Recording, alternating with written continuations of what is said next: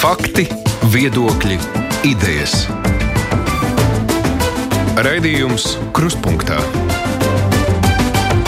ar izpratni par būtisko. Studijā Mārija Ansone. Bojā gājušo skaita ziņā ceļu satiksmē Latvija, diemžēl Eiropas Savienībā ir līderu galā. Vidēji Eiropā no miljonus cilvēkiem šādos negadījumos iet bojā 44, bet Latvijā šobrīd uz ceļiem ir 64 cilvēki no miljona. Vismaz šā gada statistika uzrāda šādu tendenci. Tiesa gads vēl nav beidzies, un arī elektroenerģijas taupīšana, ar ko saskar, saskaramies šogad, nevieš lielas cerības, ka gada tumšajā laikā ir gaidām kādu būtisku uzlabojumu. Daudziem arī radusies sajūta, ka tieši pēdējos gados agresija uz ceļiem ir pieaugusi, bet policija gan redz mazāk. Ko darīt, lai samazinātu traģisko ceļu satiksmes negadījumu skaitu un uzlabotu satiksmes dalībnieku kultūru? Par to mēs runāsim šajā stundā. Šeit kopā ar mums nu, ir CSDD statistikas datu apstrādes vadītājs Juris Kreitsbergs. Labdien! Labdien! Satiksmes ministrijas autoceļu infrastruktūras departamenta direktors Tāli Valdes Vectirāns. Labdien! Labdien. Organizācijas pilsēta cilvēkiem valdes loceklis Armāns Būmanis. Labdien! Labdien! Un valsts policijas galvenās kārtības policijas pārvaldes satiksmes drošības pārvaldes priekšnieks Juris Jančevskis. Labdien! Labdien! Ceļu satiksmes drošības plānā ir mērķis līdz 27. gadam samazināt bojā gājušo un smagi ievainoto skaitu par trešdaļu. Plāns tika apstiprināts pērn decembrī. Es jau minēju, ka tie skaitļi, kas nu, šobrīd nu, pēc CSDD datiem ir, nu, ka mēs ejam uz šo statistiku 64 cilvēki no miljona, tas ir labāk nekā pagājušajā gadā. Tajā pašā laikā nu, gads arī tiešām nav beidzies. Vai izskatās, ka mēs ejam uz to mērķi 27. gadā, tad pietuvoties nu, drīzāk tam valstīm, kur ir labāka situācija? Kurš no jums var tā tendence komentēt? jau, nu, ja skatāmies ne uz katru gadu atsevišķi, ja, kas, kas nav tā pareizi salīdzināt, bet uz tendenci, piemēram, 10-15 gadu laikos, laikā, tad jā, kritums ir. Mēs to tendenci ejam, tas virziens ir pareizais, bet tas, acīm redzot, temps, kurā ejam uz to pareizo virz, mērķi, jā, nav tik labs. Tāpat esam arī apstiprinājuši šo nulles vīziju, jeb zero vision. Uh, un, un Kas tas tad, ir, ja jūs varētu uzreiz nu, tad ir tas, ka mēs tiecamies tā tādu bezgalību, jā, to arī, arī šīs idejas autori uh, jau neapstip, ne, nesaka, ka tieši ir nulle jāsasniedz, bet tas ir tas mērķis, ka mums lai neviens neietu bojā un neviens smagi neciestu uz ceļiem normālā satiksmē. Tas ir tas mērķis, jau uz ko ejam, un tad tie pakāpeniskie soļi būtu, uh, piemēram, uh, vai kādā gadā neviens bērns neietu bojā, jau būtu tāds pirmais mazais mērķis, tur kādā mēnesī neviens, ja, ko mēs pietuvojamies šī gada martā, bija, ja nemaldos, divi uh, bojā gājušie. Un, un tādi būtu tie mazie solīši, kas būtu tas mērķis, būtu saprotamāks un tveramāks. Jā. Un, un ko jau šobrīd dara, tad uh, Eiropas komisija piedāvā arī uh, dažādus uh, veik, veiktspējas indikatorus, jo šī parastā statistika un tās analīze vairs nedod tos iespējamos nu, samazinā, jūtamus samazināšanas nu, labumus. Ja, jo arī ja šobrīd salīdzinām, tad 90. gadu sākumā mums mira uz ceļiem teju tūkstots cilvēku, ja, tad šobrīd mums ir ap 130, 140. Tas svārstīgs, bet joprojām uzskatām, ka tas ir ārkārtīgi daudz, bet, ja salīdzinām ar 90. gadiem, kas nemaz tik sen nebija, ja, tad redzam, ka tas ir ārkārtīgi liela atšķirība. Ja, tad, tad vairāk kā 800 cilvēku katru gadu mēs tā kā. Ja, Tā kā paliek vairāk nekā tajā brīdī. Ja, un, un tas ir, tas, kas uz ko iet, tā tendence ir, tad jau nu, kā, satiksmes dalībniekiem ir jau jāpanāk jauna, jauna līdzdarbošanās, jauna attiecības. Ja, jo, jo šis iepriekšējais automobīlisms nu, bums, kas to pārņēma iepriekšējos 50 gadus, ja, tad mums ir jāsāk domāt, ko mums ar to darīt, jo mēs vairs to nevaram savaldīt. Tie automobilisti brauc un prasa ar vien ātrākas šoseis, platākas ielas. Ja, un, un, jā, mēs to visu iegūstam un pēc tam nezinām, a, kur paliek jau mūsu esošās iemīļotās ielas. Mēs pa tām vairs nevaram pārvietoties. Pa ceļiem vairs gājējs velosipēdists nevar normāli braukt, jo ar vien ātrāk traucās un paliek neumalīgi. Un tāpēc ir jāsāk domāt par ātrumu samazināšanu, gan agresīvi, tātad sodot, gan arī uh, administratīvi samazinot šo ātrumu slieksni. Jā, tai pašā laikā arī piedāvājot teiksim, Rīgas apceļu ar drošāku, lielāku, platāku ceļu, jo tur ir tā satiksme un tur ir arī ekonomisks pamatojums šo ātrā šoseju ierīkot. Nu jā, par šiem veidiem mēs runāsim arī vēlāk, bet uh, vēl pagaidām par nu, to pēdējo gadu tendenci vai CSDD tajā statistikā, ko jūs apkopojat. Tur nu, var kaut kā izdarīt secinājums par iemesliem. Nu, uz kā rēķina tad ir tas uzlabojums, nu, kur temps nav pietiekoši labs, bet uzlabojums ir. Un tad, nu, kas ir tie faktori, kas to ir ietekmējuši? Tātad jūs pilnīgi pareizi minējāt, ka uh, mums šobrīd nu, var aprēķināt tādu tendenci par 64, 65 bojā gājušiem uz miljonu iedzīvotāju, kas īstenībā, ko jūs nepieminējāt, ir skaitlis, kāds mums nav bijis no 60, 70 gadiem. Tik pozitīva tendence nav bijusi. Tā pašā laikā pusotrais vairāk nekā Eiropā, reizes 4-5 vairāk bojā gājušie nekā uh, nekā Norvēģija, Zviedrija. Nu jā, jau pagājušo gadu es atvainojos, ka es pārtraucu, bija tā statistika 78 cilvēku uz miljonu, un jā, tie 64 tā ir tā kā liela atšķirība, bet gads, gads. Jā, bet nu, gads arī vēl nav beidzies, droši vien, ka mēs nevaram lekt teikt, hop, Jā, kamēr. bet tā tendence ir rēķināta ņemot vērā nevis tāda lineāra interpolācija, bet ņemot vērā to, ka arī iepriekšējos gados novembris un decembris tiešām ir ar lielāku bojā gājušo skaitu. Un tas ir noteikti aicinājums tiem, kas klausās, jeb domā, ka šis ir tas brīdis, kad atcerēties, ka ir jāuzmanās vairāk un, un jāņem vairāk, tas eh, vērā, ka satiksme kļūst bīstamāka. Novembris, decembris pieaug. Bet, eh, nu, tomēr tas uzlabojums, nu, ar ko jūs skaidrojat, ar ko tas ir, eh, kas ir, no, kas ir kļuvis labāk uz Latvijas ceļiem? Labākas lietas ir, ir daudz, kas notikušas.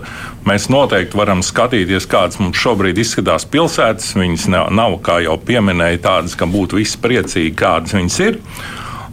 Bet pilsētas ir ļoti mainījušās.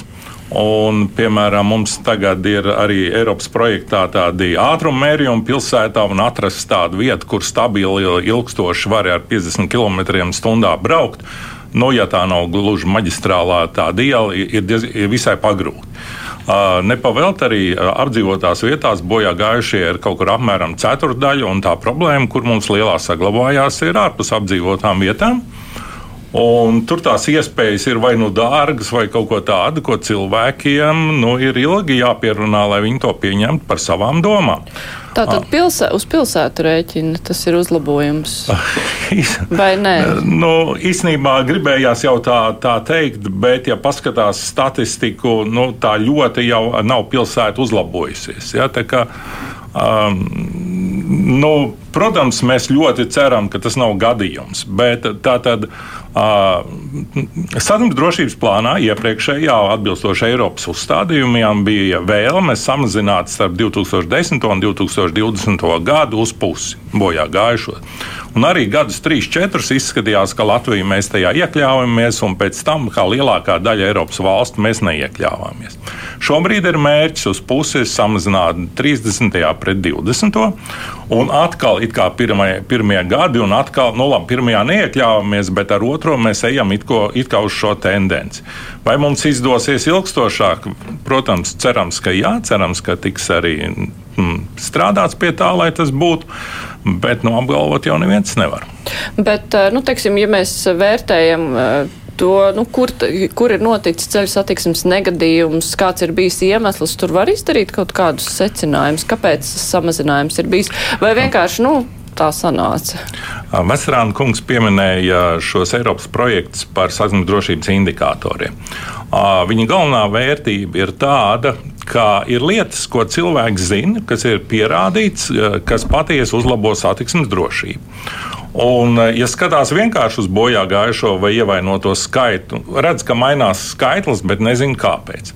Uh, savukārt, tie indikatori ir, kā mainās ātrums, jeb kā cilvēki ievēro ātrumu, kāda ir ātruma režīma, protams, arī kāda ir izbūvēta ceļa un kāda infrastruktūra, ar kādiem automobiļiem cilvēki brauc.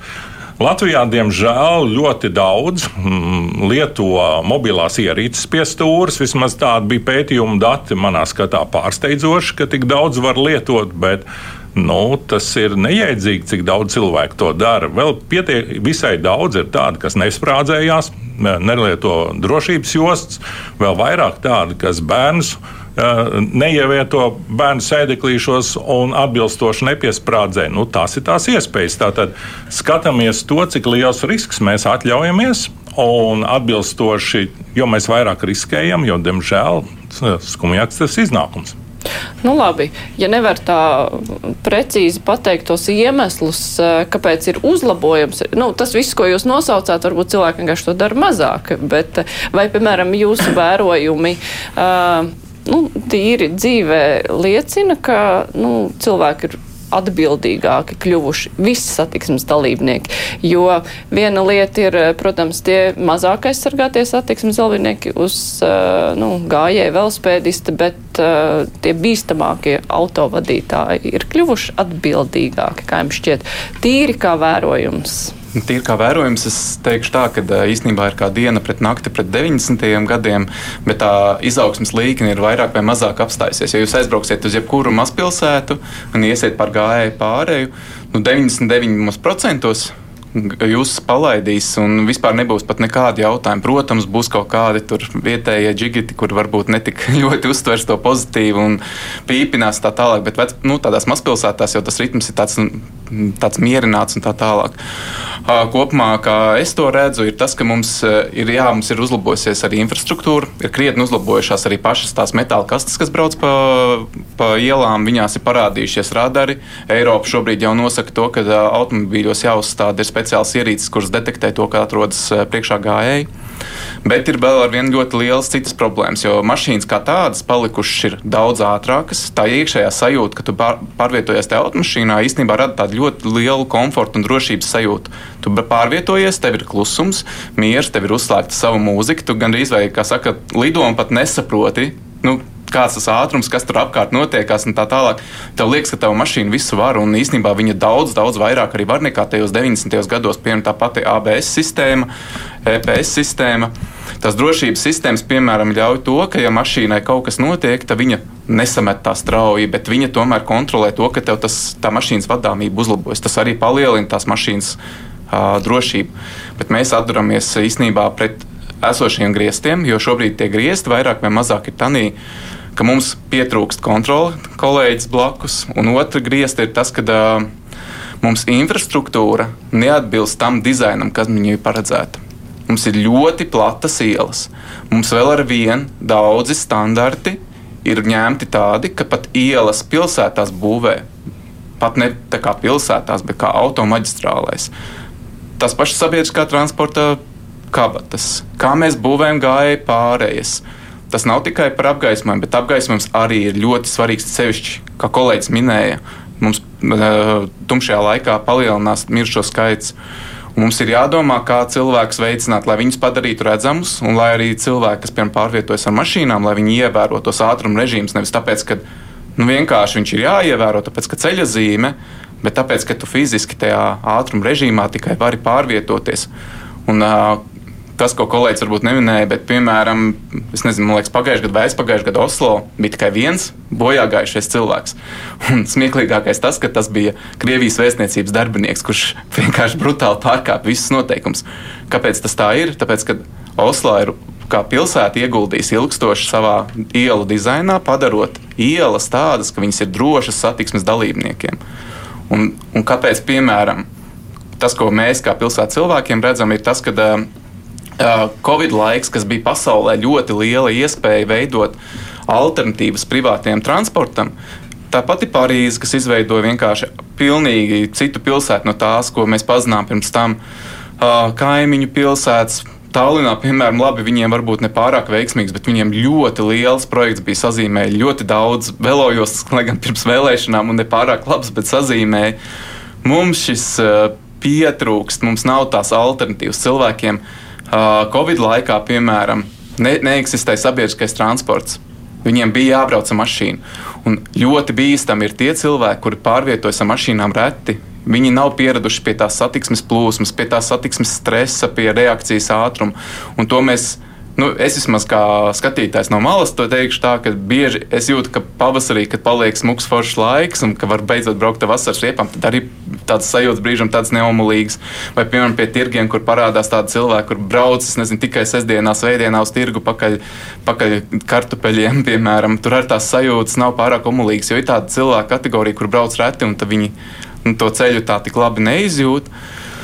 Un, protams, tas, ka mums alternatīva vienkārši ļoti trūkst, tas ir, tas ir ļoti, ļoti smagi. Un tas arī ir daudzās mazpilsētās, kur īstenībā varētu ļoti mierīgi, ļoti liels skaits cilvēku pat ziemā iztikt ar kājām, aiziet, aizbraukt ar velosipēdu. Tās alternatīvas reāli ļoti ļoti maz. Nu, labi, parunāsim par to vienu lietu, ko jūs pieminējāt - kontrols trūkums. Uh, nu, policiju uz ielām, uz ceļiem tiešām redz mazāk daudz nekā tas bija iepriekš. Arī vasarās kādreiz bija arī tie motopolicisti, tagad eh, šovasar es, man liekas, nevienu neredzēju tādu. Policists strādā uz ielām joprojām? Policisti joprojām strādā. Jā, diemžēl šī kapacitātes jautājums jau ir eh, kādu laiku iepriekš jau sācies. Uh, Uh, bet jāatgādina tas visiem ceļu satiksmes dalībniekiem, ka noteikumi ir jāievēro ne tikai ieraugot policistu vai šo stacionāro tehnisko iekārtu. Bet, protams. Jo mēs arī atrodoties ārvalstīs, ļoti bieži redzam, ka arī tur šī policija nav sastopama uz katru, uz teju, katru krustojumu. Bet uh, jā, mēs strādājam ar šo kapacitāti, kas ir šobrīd mūsu spēkos. Protams, uh, palielinās šī rēģēšanas laiks sevišķi uz ceļu satiksmes negadījumiem. Eh, ilgāk šiem dalībniekiem ir jāgaida, bet eh, tur arī ir savas prioritātes. Bet, uh, ņemot vērā šos statistikas datus, aizturētos dzērāju šoferus, pārkāpumus, joprojām ar esošo kapacitāti mēs tomēr vēl spējam vismaz kaut kādā apmērā uzraudzīt šo satiksmi. Nu, bet, jā, bet jā, jāsaka arī, ka liels ieguldījums arī tiek šobrīd. Uh, beigts tieši tehnisko līdzekļu izvietošanā. Piemēram, Latvijas valsts ceļš šobrīd aktīvi strādā pie tā, lai nākošais būtu šie vidēji ātruma posmi. Protams, jo vairāk būs šie te tehniskie līdzekļi, mēs varēsim koncentrēties tieši šiem rupjiem pārkāpumiem ar, savām, ar savu personālu. Bet, nu, cik nozīmīgi ir policijas, jūsuprāt, klātbūtne uz ielām? Jo, nu, es, teiksim, es minēšu kā piemēru, tagad ir Rīgā vairākās vietās ir salikti ierobežojumi uz 30, kuri jābrauc. Dabā tas nenotiek, jo brauc tāpat kā iepriekš uz 60. Nu, izņemot kādu ļoti paklausīgo, kuru uzpīpina un pēc tam viņa apdzen. Dzīvo dzīvojamās zonas. Tur eh, brauc uz 40 kā minimums. Un tur ir tāda sajūta, ka nu, policijas tur, protams, nav, jo tās nav maģistrālās ielas. Tas, ko jūs atgādinājāt, ka vajadzētu ievērot, eh, nu, tas, nu, tas nestrādā. Cilvēki tā nedara. Kā jums šķiet, vai tas kontrols? Es īstenībā pat izteikšu ļoti lielu atzinību valsts policijai ar tiem resursiem, kas viņai ir. Viņa veic eh, savā ziņā ļoti milzīgu darbu. Mums, protams, no malas skatoties, arī daudziem liekas, no malas, ah, nu, tur policija vainīga un tā tālāk. Nē, nu, tas nav viss tik vienkārši. Ļoti daudz šīs tēmas sakrā nav vienkārši tie ļoti daudz faktoru, kas sajiet kopā. Uh, viens no faktoriem mums salīdzinot ar kaimiņu valstīm, Man liekas, visi, kas ir braukuši uz Igauniju, uz Lietuvu, zina, ka tu brauc un tu tur reāli tos fotoradars redzi. Viņi ik pa laiciņam ir. Nu, tur cits jautājums, vai tas radars tajā kastītē ir, bet viņi tur reāli ir. Tas jau tevi tā kā, tā kā nomierina kā braucēju. Un ir jāstrādā arī pie standartiem. Mums uh, daudzās vietās tu brauc, un tu nesaproti, kur tu atrodies. Tu nesaproti, kādā ātrumā braukt. Es nebūšu kā kāds kolēģis, kurš uh, saka, ceļazīmēm neticiet. Nē, ceļazīmēm ticiet. Un dažreiz, ja jums liekas, ka kaut kas jocīgs tam ceļazīmēm, varbūt tiešām sakoncentrēties, palieliniet, palēniniet ātrumu un uz, pievērsiet vairāk uzmanību tam, kas apkārt notiek. Bet mums ir jāstrādā pie tā, lai policijai ar ierobežoto resursu, kurš es neticu pat ar algas pieaugumu visdrīzāk nepieaugs stipri, lai viņiem būtu pēc iespējas mazāk darba. Ielu dizains, tehniskie līdzekļi, piemēram, sabiedriskajam transportam, kāpēc nevarētu viņš pats sev kontrolēt uh, sabiedriskā transporta joslu ieviešanu. Kameras viņam jau ir, atliek tikai vienīgais to materiālu apstrādāt. Stāvvietu uzraudzība. Tam nav jābūt cilvēka darbam. To dara šodien mūsdienu pasaulē. Mašīnas, kuras brauc līdzīgi kā Google mašīna, brauc apkārt ar kamerām, viņi izbrauc caur pilsētā un uzreiz safotografē visu. Mēs lieliski zinām, ka jūrmalā tas strādā, ka tu iebrauc jūrmalā, tu nesamaksā, tev pēc tam atsūta rēķinu. Kāpēc tas nestrādā citās vietās? Nesaprotam. Bet, uh... bet nu, piemēram, elementāri ātrumu kontrolēt, uh, lai, kas ir arī viens no biežākajiem iemesliem, kāpēc kaut kas notiek, es pieļauju tā. Ātrumu kontroli, kur ir tieši tiek nu, brutāli pārkāpts uh, ātruma ierobežojums. Nu, kā kontrolēt, jo policija tiešām nevar būt visur. Nu, kādi būtu jūsu ieteikumi?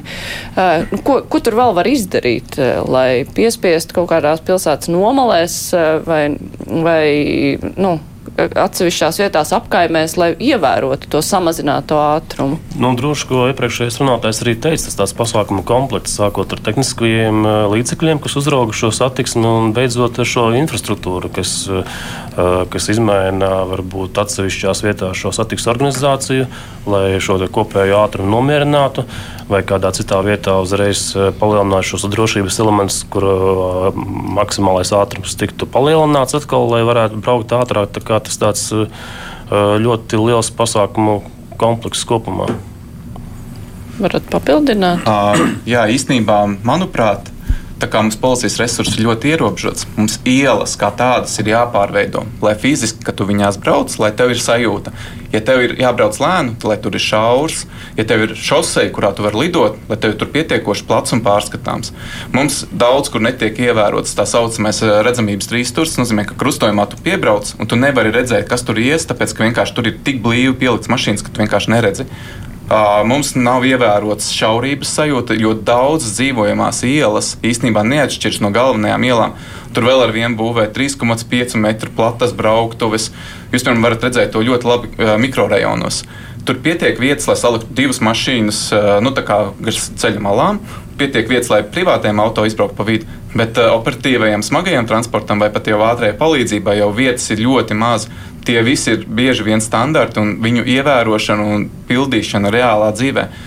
Mēs varam sūdzēties vai nesūdzēties par stabiņiem, bet kaut kas līdzīgs stabiņiem mums ir pamazām jāveido, jo tā infrastruktūra ir šausmīgi dārga, bet tās vajadzības īstenībā ir ļoti milzīgas, jo mēs nespēsim pāriet no tā līmeņa, kāds ir šobrīd, uz nākamo līmeni, neieguldot infrastruktūrā tas nenotiks tā automātiski, jo tiešām uh, paši braucēji palikuši apzinīgāki un foršāki. Viņi tiešām cenšas tur komunicēt ar acīm, tur uzsmaidīt, tur pamāt. Uh, Bet tā infrastruktūra bieži vien ir tāda, ka uh, viņš var pat nespēj to izdarīt. Viņš vienkārši patraucas garām, jo tur var palidot ātri. Kā mums veicas ar infrastruktūras uh, nu, piemērošanu, nu, tam, ko kolēģis minēja? Uh, Tur, kur ir jābūt ātrumam, tur ir plati un skaisti, kur ir jāierobežo, tur mēs cenšamies kaut kā mehāniski. Vai tā vai infrastruktūra tiek tā pārveidot? Um, infrastruktūra pārveido pirmkārt jau pasūtītājs, otrkārt to veido projektētājs būvnieks, un tā ir daļa no mūsu sabiedrības. Un tā ir daļa no mūsu automobilizētās sabiedrības, kur uzskata, ka jābrauc pēc iespējas ātrāk, augstāk un, un tā tālāk. Jā. Un tas jau ir jāizmaina vispirms mūsu pašu prātos, un tikai tad mēs to redzēsim dzīvē. Uh, bet, ja runājam par skaitļiem, tad tikai uz valsts autoceļiem. Tas iekritiens mums ir šobrīd 3,5 miljardi. miljardi lai mēs, kās, nu, tas, ka deficīts, ah, lai mēs vispār mm -hmm. saremontētu ceļus, jā, un tad, lai mēs uh, ap Rīgu uh, blīvāk izmantotu satiksmes ceļus pārbūvētu, jā, uh, Tur jau var ir pāri pa miljārdu, lai mēs uztaisītu ātrus, drošus ceļus, kas var apbraukt Rīgu apkārt. Jo Rīgā neizbēgami būs jāievieš nulles emisijas zona centrā, jā, ir jāpārtrauc šī pārbraukšana no imants uz pļauniekiem caur centru. Tas, tas to var padarīt, jo mēs redzam, kas notika, kad Čaka ielā mēģināja kaut ko darīt, jā, bija šādi protesti, jo cilvēku iecienītais maršruts no Imants uz, uz teiksim, Jūglu jā, tika uzreiz uh, viņa prātā sabojāts, lai gan pēc būtības tur neko nesabojāja un varēja joprojām izbraukt. Uh, tās ir tās lietas attiecībā uz infrastruktūru, uh, bet uh, ko cerams jaunā saima darīs, uh, kas šobrīd uh, dotos savus godavārdus. Uh, sam, eh, tomēr atļausies pieņemt nepopulārus lēmumus. Un viens no tiem ir tomēr reāla soda lemšana par mazu ātrumu. Piemēram, kaut vai no 6 līdz 10 km/h, kas visā visriņķī Eiropā ir, Bet mums nav. Mums tātad līdz 10 km/h pietiek ar vienu brīdinājumu tikai var iedot, ja, un to var tikai izdarīt policists, ja ir apstādinājis konkrēti. Bet, Bet jau arī tad... problēma ar to, nu, lai pieķertu, jo viena lieta ir tas milzīgais sots kaut vai par mazu ātrumu, bet tas, ko es jau pieminēju, kur divi tik pārsniedz ātrumu pilsētā, kur arī sots ir tūkots, bet to nevien, neviens jā, jā, nenoķer, un tas rada tas sajūtu, vidējais ka... ātrums braucot, un visi cilvēki saprot un zina, ka virs desmit jau nekas nebūs. Un tā kā mums ir tikai vienīgi tehniskie līdzekļi, kas var tā optimāli un nu, pārklājoši, visaptveroši strādāt, tad tie nevar arī par šo brīdinājumu izrakstīt. Un pat tos mēs neredzam un, un nejutīsim nekad. Un tāpēc šis vidējais, tas ir tā bīstamā lieta, kad vidējais ātrums palielinās, un tie ir tie mirušie un cietušie, kas cieši, ja kaut kur nepamana aiz šī līkumiņa, kaut kur nepamana aiz krustojuma. Jo cilvēks, kas izbrauc dodot ceļu, viņš rēķinās, ka tas brauks ar 50, bet nekā tas brauc ar 60. Un tur notiek varbūt tikai stikliņa sašķišana. Citā gadījumā brauks trakais jau uz 80. Jā, pilsētā, un tad būs arī kāds beigts. Jā. Tās ir tās lietas. Miglā, piemēram, maza migla braucot uz 100, nevis uz 90. Nu, atkal brieži mums, mums šīs ielas vai ceļi ir tādi, kā ir. Nu, mēs arī priecājamies par skaistām launu, lauku ainaviskajiem ceļiem, kas nav saroboti ar barjerām, ar aizsargu sētām, ar visu kā polijas vai Vācijas bāņu. Ja? Tā ir mūsu vērtība, bet tad ir jāciena, bet tad ir jābrauc lēnāk. Jo arī man, kā gājējam, velosipēdistam, ir tiesības atrasties uz šī ceļa un būt nenobrauktam. Ne tikai tāpēc, ka kāds grib traukties ar 100 km/h, jo raugi par to nav soda. Ja? Un to pat, eh, to pat eh, nu, sodošās institūcijas eh, par to uzskata, neuzskata, ka tas būtu svarīgs pārkāpums, diskutējot, ja, un ka par to vajadzētu sodīt. Nē, tas nav, tas ir mazsvarīgs. Tas nav nekas.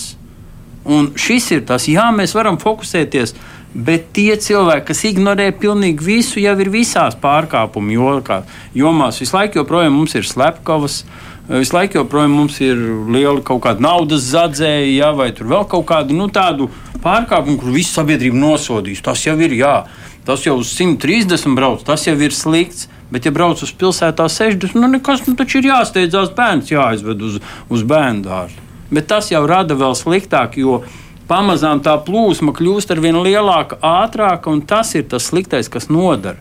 Ja mums infrastruktūra ir kāda ir, ja, ja ne, neteiksim vārdu infrastruktūra, ceļu un ielas un pārējais ir tādas, kā ir, mēs šos miljārdus visi kopā nedabūsim. Ja tuvākajos desmit gados mums ir ar šo jārēķinās. Jā, protams, ir jābūt, lai piemēram Rīgā būtu maģistrāles. Un tad jau varēs to centru atslogot. Un tad varēs tos stabiņus tur salikt, pārējais salikt, kafejnīcu uz ielām salikt.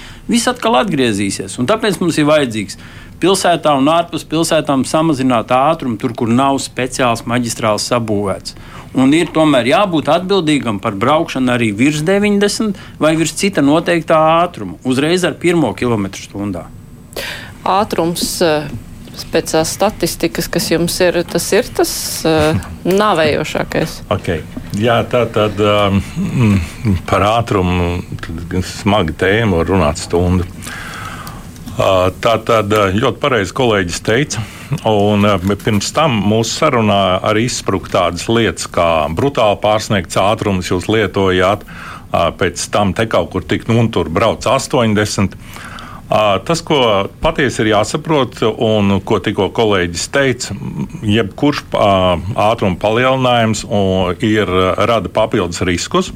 Un 10 km/h ātruma palielinājums tajā brīdī, kad braucam, var radīt sadursmes brīdī ātrumu lielāku par kādiem 40 km/h. Tas jau ir letāls. Ja, ja tas ir sadursme ar gājēju, ļoti liela iespēja, ka tas ir letāli. Tātad tikai 10 km/h pirms, pirms šī negadījuma var radīt letālu gadījumu tajā vietā, kur citādāk nekas nenotiktu, pat negadījums nenotiktu. Un līdz ar to teiksim, tieši tā jau pārunājot ar ļoti dažādām sabiedrības daļām, tā skaitā, kā, kā saprotams, ar, ar politikas veidotājiem, ir daudz cilvēku, tas jau ātrums, nu, desmit, nu, kurš tad, nu, kas ar to? Nu, ja, tas ir viena no mūsu iespējām, kā, kā pildīt šo apņemšanos, ar laiku saprast to, ko citur ir sapratuši, ka 10 km/h ir nozīme. Tas, starp citu, ir arī kādreiz citādāk. Mums šobrīd ir mm, apdzīvotās vietās 50 km/h. Mēs daudz runājam par 30 km/h. Ir visas iespējas ielikt kaut kur šo 40, ko ir darījuši Igauni un arī citi, jo 10 ir daudz. Nu, tas ir vienkārši nē. nē. Bet, ja runa par, par statistiku un pierādījumiem, šo teoriju ir attīstījuši dažādi. Primāri ir tāds uh, zviedru. Saimnes drošības speciālists Jorans Nilsons, kurš no 95. gadā, kad es ar viņu kopā strādāju, viens trīs mēnešus to visu izstāstīja, bet 2004. atbilstoši aizstāvēja disertācijas. Zviedrijā, un pēc tam to teoriju ir tālāk attīstījuši daudzi. Daudz pētnieku, un tur ir stāsts par šiem tie kaut kādi 10% vidējā ātruma palielinājums var dot, nu, piemēram, 20 procentu lielāku bojā gājušo skaitu. Tie procenti var variēt, un viņi ir dažādi bojā gājušiem, negadījumiem vai smagi cietušajiem, bet neliels tas, kas mums kā cilvēkiem izklausās vai izskatās kā neliela ātruma izmaiņa, dod patiesu starpību cilvēku veselībā, cilvēku dzīvībā. Jā, mēs tieši ar to turpināsim, bet man ir jāatgādina mūsu klausītājiem, vēlāk Latvijas televīzijas skatītājiem, ka šodien kopā ar mums ir no CSDD Juris Kreitsbergs, no satiksmes ministrijas tālvaldes vecterāns, no eh, pilsētu cilvēkiem Armans Būmanis un no valsts policijas uh, diskusijā ir pārstāvis Juris Ančevskis. Mēs tūlīt turpinam. Raidījums Krustpunktā. Jā, nu runājot par ātrumu, diemžēl sabiedrībā arī diskusijās ļoti parādās, ka daudz cilvēku uztver, ka tas tie 90 vai tie 50 ir nevis maksimāli atļautais ātrums, bet minimāli atļautais ātrums, zem kura braukt ir nu, ceļu satiksmes totāla bojāšana. Diemžēl tas ir diezgan izplatīti. Tas, ko vecrānkungs minēja par to, ka saimai vajadzētu izlemt par soda noteikšanu jau no pirmajiem kilometriem, tas uzlabos situāciju, jūsuprāt? Tas īstenībā krietni uzlabos situāciju. Piemēram, ja kāds cilvēks iedomājas, nu kāds ir tas ātrums, nu, piemēram, Es tā tēlēni izteikšos, ka, ja tev ir mašīna notriec ar 30 km/h, tas ir tā kā tu personīgi izkrist no 3. stāvā. Bet jau izkrītot no 4. stāvā, tad tā iespēja izdzīvot īstenībā jau stingri pamazinās. Jau pat no 3. stāva tas nav nekāds joks, tas ir diezgan sāpīgi. Bet nu, tur var gadīties, ka tu smuki no, nozemējies, un tev varbūt nekas nav. Bet no 4. stāva jau paliek jau tā trakāk. Un vēl trakāk, ja no 5. stāva nokrīt no 50 km/h. Tā kā īsnībā jā, tas ātrums ir ļoti svarīgs. Ir ātrums svarīgs, ir svarīgi, kā cilvēks redz. Pat ja mēs runājam par tām ātrums ātrum... svarīgs, bet vai sots uh, liks cilvēkiem aizdomāties, ka pat neliela pārsniegšana, ka tas ir pārkāpums, ka es likums pateikšu, nosaka to ļoti, maksimālo, nevis to minimālo. Igaunijas pieredze, kas nav nemaz tik tālu jāmeklē. Ļoti daudziem cilvēkiem jau arī mūsdienās jau ir pietiekoši liela ienākuma, un ir cilvēki, man liekas, arī, ja paskatās arī to pašu fotoradaru statistiku, ir kaut kādi cilvēki, kas, man liekas, vienkārši brutāli pārkāpj un uzskata, ka tas ir viņiem kā abonements uz lielu ātru braukšanu. Bet Igaunijā dara tā, ka ceļu policija kaut ko noķer, un viņi pasaka, nu tagad tu pusstundiņu pasēdēsi tāds it kā sīkums. Jā, ātrumam ir ātruma ievērošanai ļoti liela nozīme, jo ātruma starpība ir ļoti liels koeficients bīstamiem notikumiem. Piemēram, ja tu pārvietojies pa ceļu uz tiem atļautiem 90 km/h. Vai pat nu, nedaudz lēnāk, nu, piemēram, 86 km/h, kas ir tipiski, kāda ātrumā pārvietojas smagās mašīnas ļoti daudz kur pa mūsu ceļiem. Un, ja tu pēkšņi traucies 130 km/h, tad ātruma starpība starp šīm divām mašīnām jau ir 30 km/h.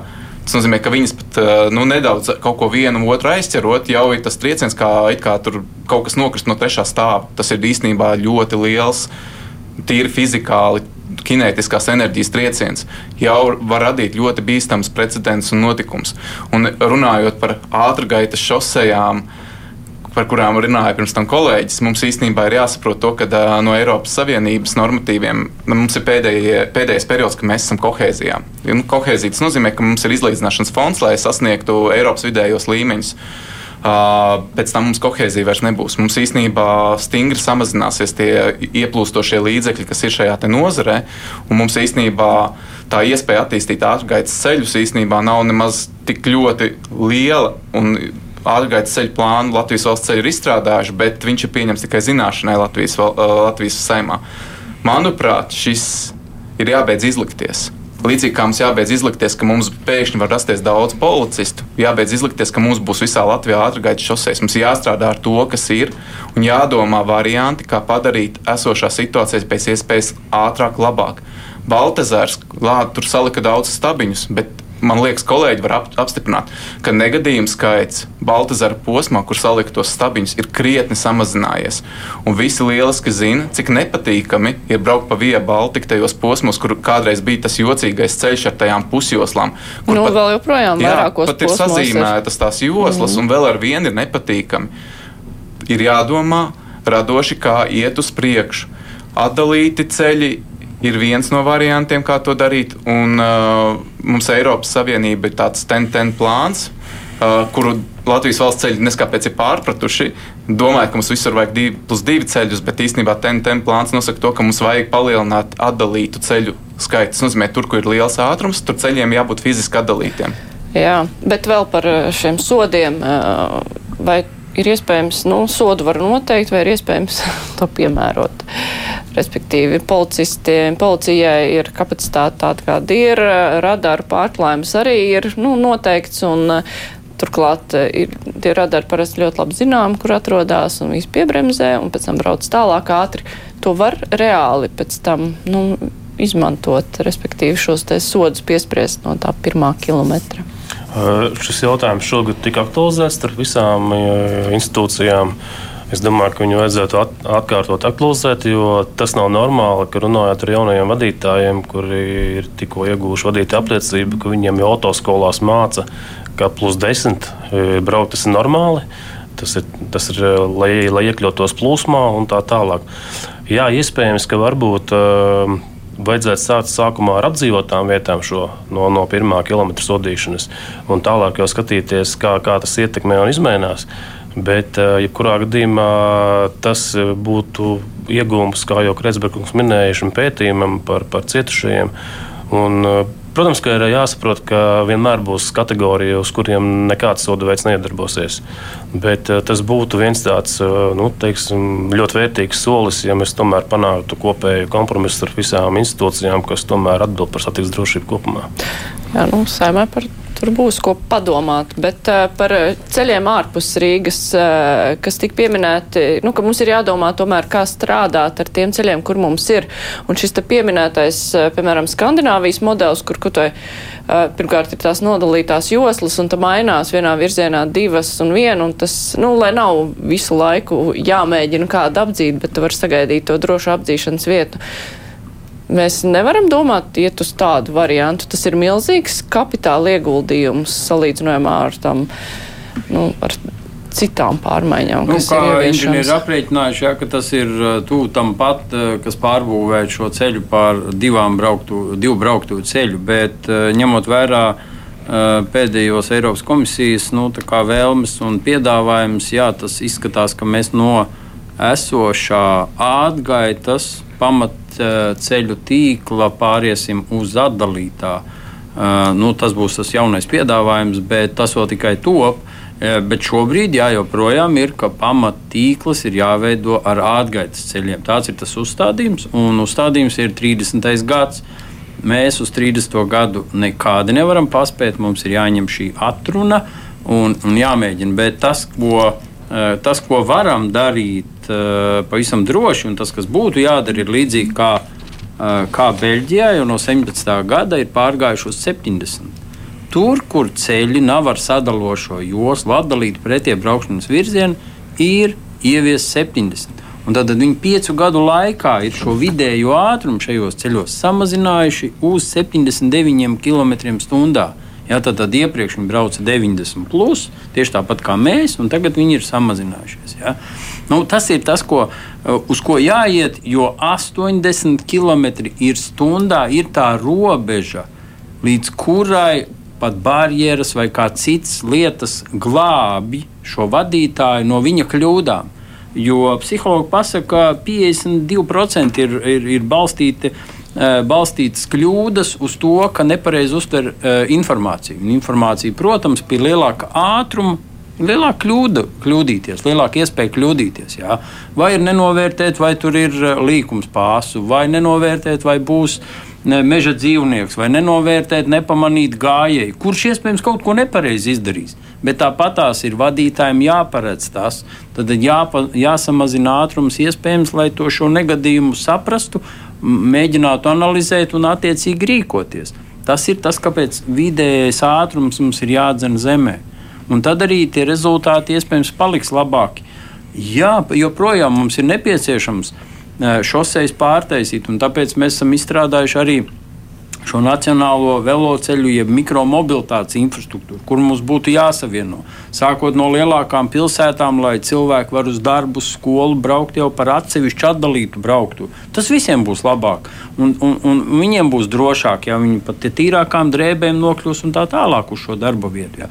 Tas arī viss ir jādara, viss ir vienlaicīgi, bet tas sākums, lai mēs zaudētu mazāk dzīvības, mazāk sakropļot, ir uz to, kad ir ielikās jāsamazina ātrums. Un to tad var divos veidos. Sākot sodīt no šiem mazā, nu, uzreiz no ātruma pārkāpuma, kas šobrīd jau ir ātruma pārkāpums, un samazinot vispārēji atļautu maksimālo ātrumu.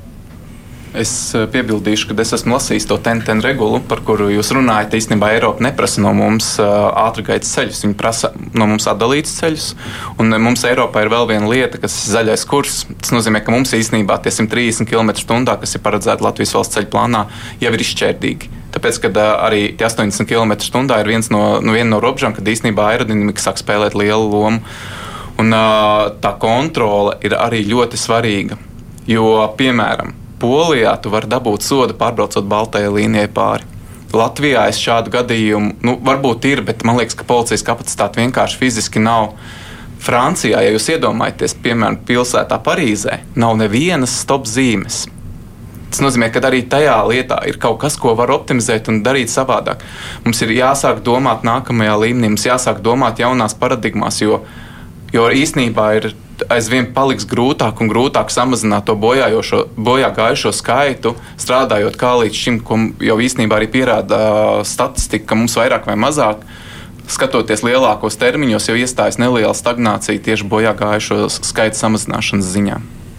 Nu, labi, bet runājot par ceļu satiksmes mierināšanas pasākumiem, CSDD veic auditus, lai izspriestu, ka tur tas strādātu un tur Jā, tas kolēģi, nestrādātu. Tas tiešām strādā, bet es ar viņiem cieši nestrādāju, es neuzņemtos viņu vietā atbildēt. Bet runājot par ceļu satiksmes šiem te mierināšanas pasākumiem, tas nav, nu, pirmais, teiksim, kaut vai pilsētās, kaut vai tajās pašās dzīvojamās zonās, nu, tas pirmais, kas varētu šo satiksmi pielēnot nu, bez policijas klātbūtnes? Īstenībā es gribētu izteikt atzinību CSDD auditu veicējiem. Ir kaut kāds zināms progress tieši tajos auditos redzams, un var redzēt, ka viņi tiešām jau cenšas uzspiest tos drošākos risinājumus, kas ir īstenībā ļoti labi. Dažreiz veiksmīgāk, dažreiz netik veiksmīgi. Kas, manuprāt, nav īsti pareizi, ir tas, ka publiski lietojamai infrastruktūrai, ko lietojat jūs, mēs visi šie ceļu satiksmes drošības direkcijas auditi izsniegtie, viņi nav publiski pieejami. Mums bieži vien kā biedrībai ir ļoti grūti uzzināt, kas īsti piemēram, ir nepaticis CSD auditoriem. Tāpēc mums ir grūti runāt ar institūcijām un saprast, vai audits, piemēram, šādas lietas, ko mēs esam pamanījuši, arī ir piemērojis. Jo audita funkcija, diemžēl, Latvijā vēl ar vienu ir rekomendējoša. Un, uh, citreiz tiešām arī tie rekomendējušies faktors ir jāņem vērā, jo ir dažreiz arī tādas lietas, kas auditā ir tādas, nu, kur varētu arī tiešām pastrīdēties. Bet tā, tas, ko dara CSDD, tas attiecas tikai uz valsts ceļiem. Pilsēta to pati, pati lēmj, piemēram, par savām dzīvojamajām zonām. Jā, Manuprāt, viņi visiem dara, bet, bet īstenībā mēs vairākas reizes šeit teicām, ka ātrums ir svarīgs mm, apdzīvotās vietās, mazāk ārpus. Es kaut kā galīgi nevaru piekrist šai tēzei, kaut vai tāpēc, ka 75% bojā gājušie ir ārpus apdzīvotām vietām.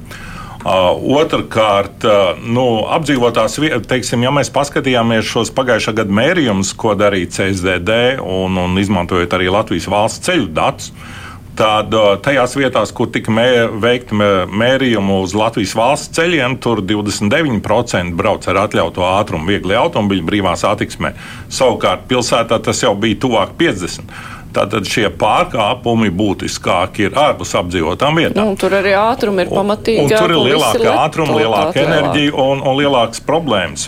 Jūs pierreiz pieminējāt, ka nu, to 90. uztver kā nu, neātrāk, bet īsnībā tas ir gana pareizi. Ja ir labi laika apstākļi, neskatoties uz to, ka degviela tērē nedaudz vairāk, ir normāli braukt pēc iespējas tuvāk šim atļautajam ātrumam. Ja, ja, tas, ja tie laika apstākļi ir sliktāki, protams, jeb, jebkura cita lieta, kas apdraud satiksmi, tad, tad, tad ir vērts palēnināt. Jo tikko kāds atsevišķi sāk braukāt ar, ar mazāku ātrumu, tad radās šī Latvijā ļoti nacionālais sports apdzīšana. Nu, varbūt citur arī ir, bet mums ļoti daudz cilvēku uztver apdzīšanu, ka man taču vajadzēja apgūt. Šodien, apdzīt. Mēs arī šodien te vienā vietā lietojam, es nepamanīju, neatceros kurš nu, mierīgi nu, pirms pāris dienām brauc no Liepājas. Priekšā brauc kravas automobils uz 90. Nu, labi, viņam nav atļauts, bet viņš brauc. Nekādu problēmu visu ceļu brauktais kravas automobilis uz 90. Tur ir profesionāli šoferi. Viņi zina, ka viņi, ja viņi bremzēs liek, viņi pazaudēs naudu un mierīgi var braukt, nu, atstājot šķirbiņu tiem, kas tur pa vidu grib līkumot un tādu uzrādās. Viņi nav pārāk daudz, bet ir tie, kam nu, tas 90 ir nepieņemami zems, jo cilvēks jau pats tā īsti nesaprot, cik tas ir riskanti viņam pašam un apkārtējiem to ātrumu ņemt un palielināt. Jā, es pilnībā piekritīšu kolēģim. Tas ātrums starpība ir tieši tas, kas rada tos smagās sekas. Un, un arī savā ziņā tā plūsma jau arī pareizāk veidosies, ja mēs visi viņu ievērosim, plus mīnus vienādi. Pat ja tas cilvēks brauc nezinu, pa 4 km lēnāk nekā tas atļautais ātrums, nu, nekas jau nenotiks ja tu brauksi uz tiem 87, 90 km/h. Bet tā plūsma īstenībā saglabāsies. Un ja Liepājas šosejā, piemēram, salīdzinoši nesen ir bijuši ļoti smagi tie satiksmes negadījumi, tur arī ir bijis iesaistīts smagais transports. Un smagie transporta līdzekļi tiešām ļoti strādā uz to ekonomiku, lai viņiem pēc iespējas lētākas izmaksas, jo, kā jau minēju, iepriekš 80 km ir viena no robežām, kad sākas aerodinamika.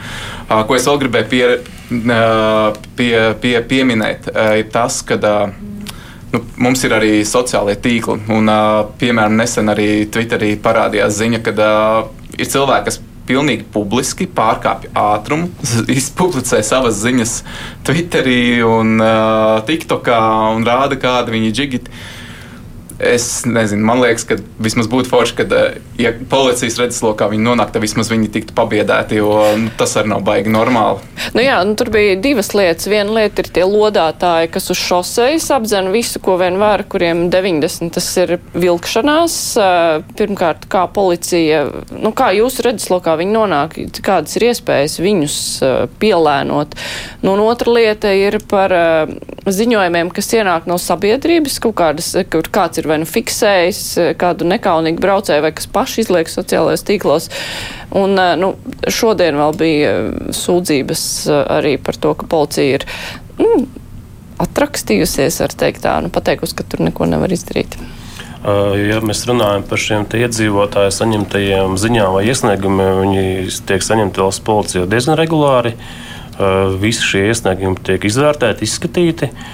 Un, uh, ja mēs runājam par šiem teātriem braucējiem, kuri, kuri ko jūs minējāt, jūs laikam gribējāt salīdzināt uh, ar tiem, kas liek uh, sociālos tīklos savus Pār. Nē, nu, nē, tas ir bijis jau teicis divas dažādas lietas. Viena ir kontrole uz šosejām, kur ir agresīvie braucēji, kas nenovērtē plūsmu un mēģina tur ielīst un rada ļoti daudz riskantas situācijas. Vai jums vispār ir iespēja viņiem tikt klāt? Savas kapacitātes, kapacitātes ietvaros mēs strādājam ar viņiem. Protams, viņi nonāk mūsu redzeslokā un mēs fiksējam šādu pārkāpumu. Tad ar viņiem tiek veikts tālākās šīs lietas. Arī tad, ja, piemēram, darbības. kāds cilvēks ir savā video reģistratorā to nofilmējis. Tieši tā, un arī tā, ja tiek saņemtas ziņas no sabiedrības, un ja šis pierādījumu kopums ir pietiekošs, lai varētu tālāk šo administratīvo procesu uzsākt un virzīt līdz pat soda piemērošanai, tad tas tiek darīts. Bet, piemēram, pietiekošais eh, pierādījumu kopums jums, ja, piemēram, kāds ir vienkārši ar telefonu nofilmējis to, tas ir pietiekams pierādījums, ja redzam valsts numuru zīmi, piemēram. Tur jābūt uh, ne tikai šim video saturam, jābūt uh, notikuma vietai precīzi zināmai laikam, izdarīšanas laikam, tā kā viss kopums jāstāda vienoti. Un ja tiešām šis te nosacīt aizdomās turamās vai pie atbildības saucamā persona nespēja šo noliegt, tad tad viņam šis, šis teiksim, sots ir neizbēgams. Un kā piemēram ar gadījumu, kas arī šodien vēl bija sociālajos tīklos, kur viens pa pilsētu bija lidojis laikam uz 200, kur viņš bija pats licis sociālajos tīklos un policija bija uzrakstījis, ka tur neko nevar pierādīt. Ar ātruma fiksēšanu ir pavisam savādāk, jo mums likumdevējs ir konkrēti norādījis, ar kādām tehniskajām iekārtām var fiksēt šo ātruma pārkāpumu. Un, diemžēl, ja mēs tikai šo ātrumu pārkāpumu redzēsim šajā saturā, tad tas nebūs fiksēts atsevišķi ar tehnisko iekārtu, tad speciālo tad mēs būsim bezspēcīgi šajā ziņā. Un kā tad iespaidot tos nu, cilvēkus, nu, kur, ir, nu, kur ir runa par to cilvēku pašu personīgo atbildību, par viņa spēju novērtēt veselo saprātu un vispārējo? Kā tu to audzināšanu? No, no nepareizas rīcības, jā, kā nepareiza rīcība mainīt, ir nesodāmības nu, princips, jā, ka tu nu, vienreiz izdosies, otrais, bet principā tu neizglābsies. Un tāpēc mēs no punktu veida radariem jā, pielietosim drīzumā jaunu sistēmu, tad, tad vidējā ātruma jau sektoru. Kur bet tie jau būs 11 radari, bet 10, cik viņi tur 16, varēs noklāt? Jā, jā. 16, bet tie jau būs posmi, kurā jau nāksies tāpat kā Lietuvā. Lietuvā, ja nemaldos, ir 22. Jā, Un tad jau, jau, jau cilvēki ir nospļaujušies, ja, a, kur man vairs skriet. Braukšu mierīgi, ar atļautiem 90, tur katru to radaru ravēt, skatīties, tur vai, vai, vai, vai, vai veizā, vai kur čekot to. Tas ir ārkārtīgi apgrūtina visu tavu dzīvi. Ja? Un šo jau mēs pirms vairākiem gadiem eh, piedāvājam likumdevējiem, paldies likumdevējiem. Tad, tad izmainiet to, ka šādus te tehniskos līdzekļus var visi ceļa pārvaldītāji uzstādīt. Un ko tagad darām? Tātad Latvijas valsts ceļi, kā ceļa pārvaldītājs šādus jau uzstāda. Ja? Tad liekas attiecīgus deleģēšanas līgumus ar, ar eh, procesu kontrolētājiem, satiks uzraudzītājiem, satiks uzraugi jau varēs atkal lēmumus lemt ja, par šo.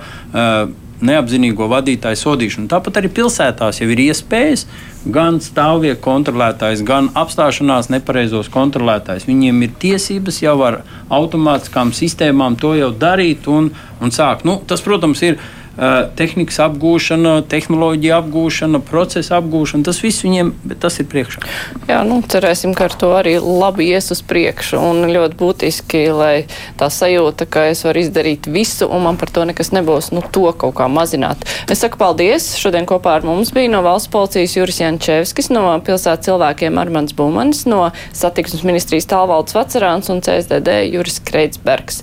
Rīt kruspunktā diskusija par kūdru būs par kūdras izmantošanu enerģētikā. Eiropas Savienība kā, grib aizliegt eh, kūdras purvu izstrādi, bet nu, tomēr vai šajos grūtajos laikos vismaz par pagaidu izmantošanu nav jādomā par to.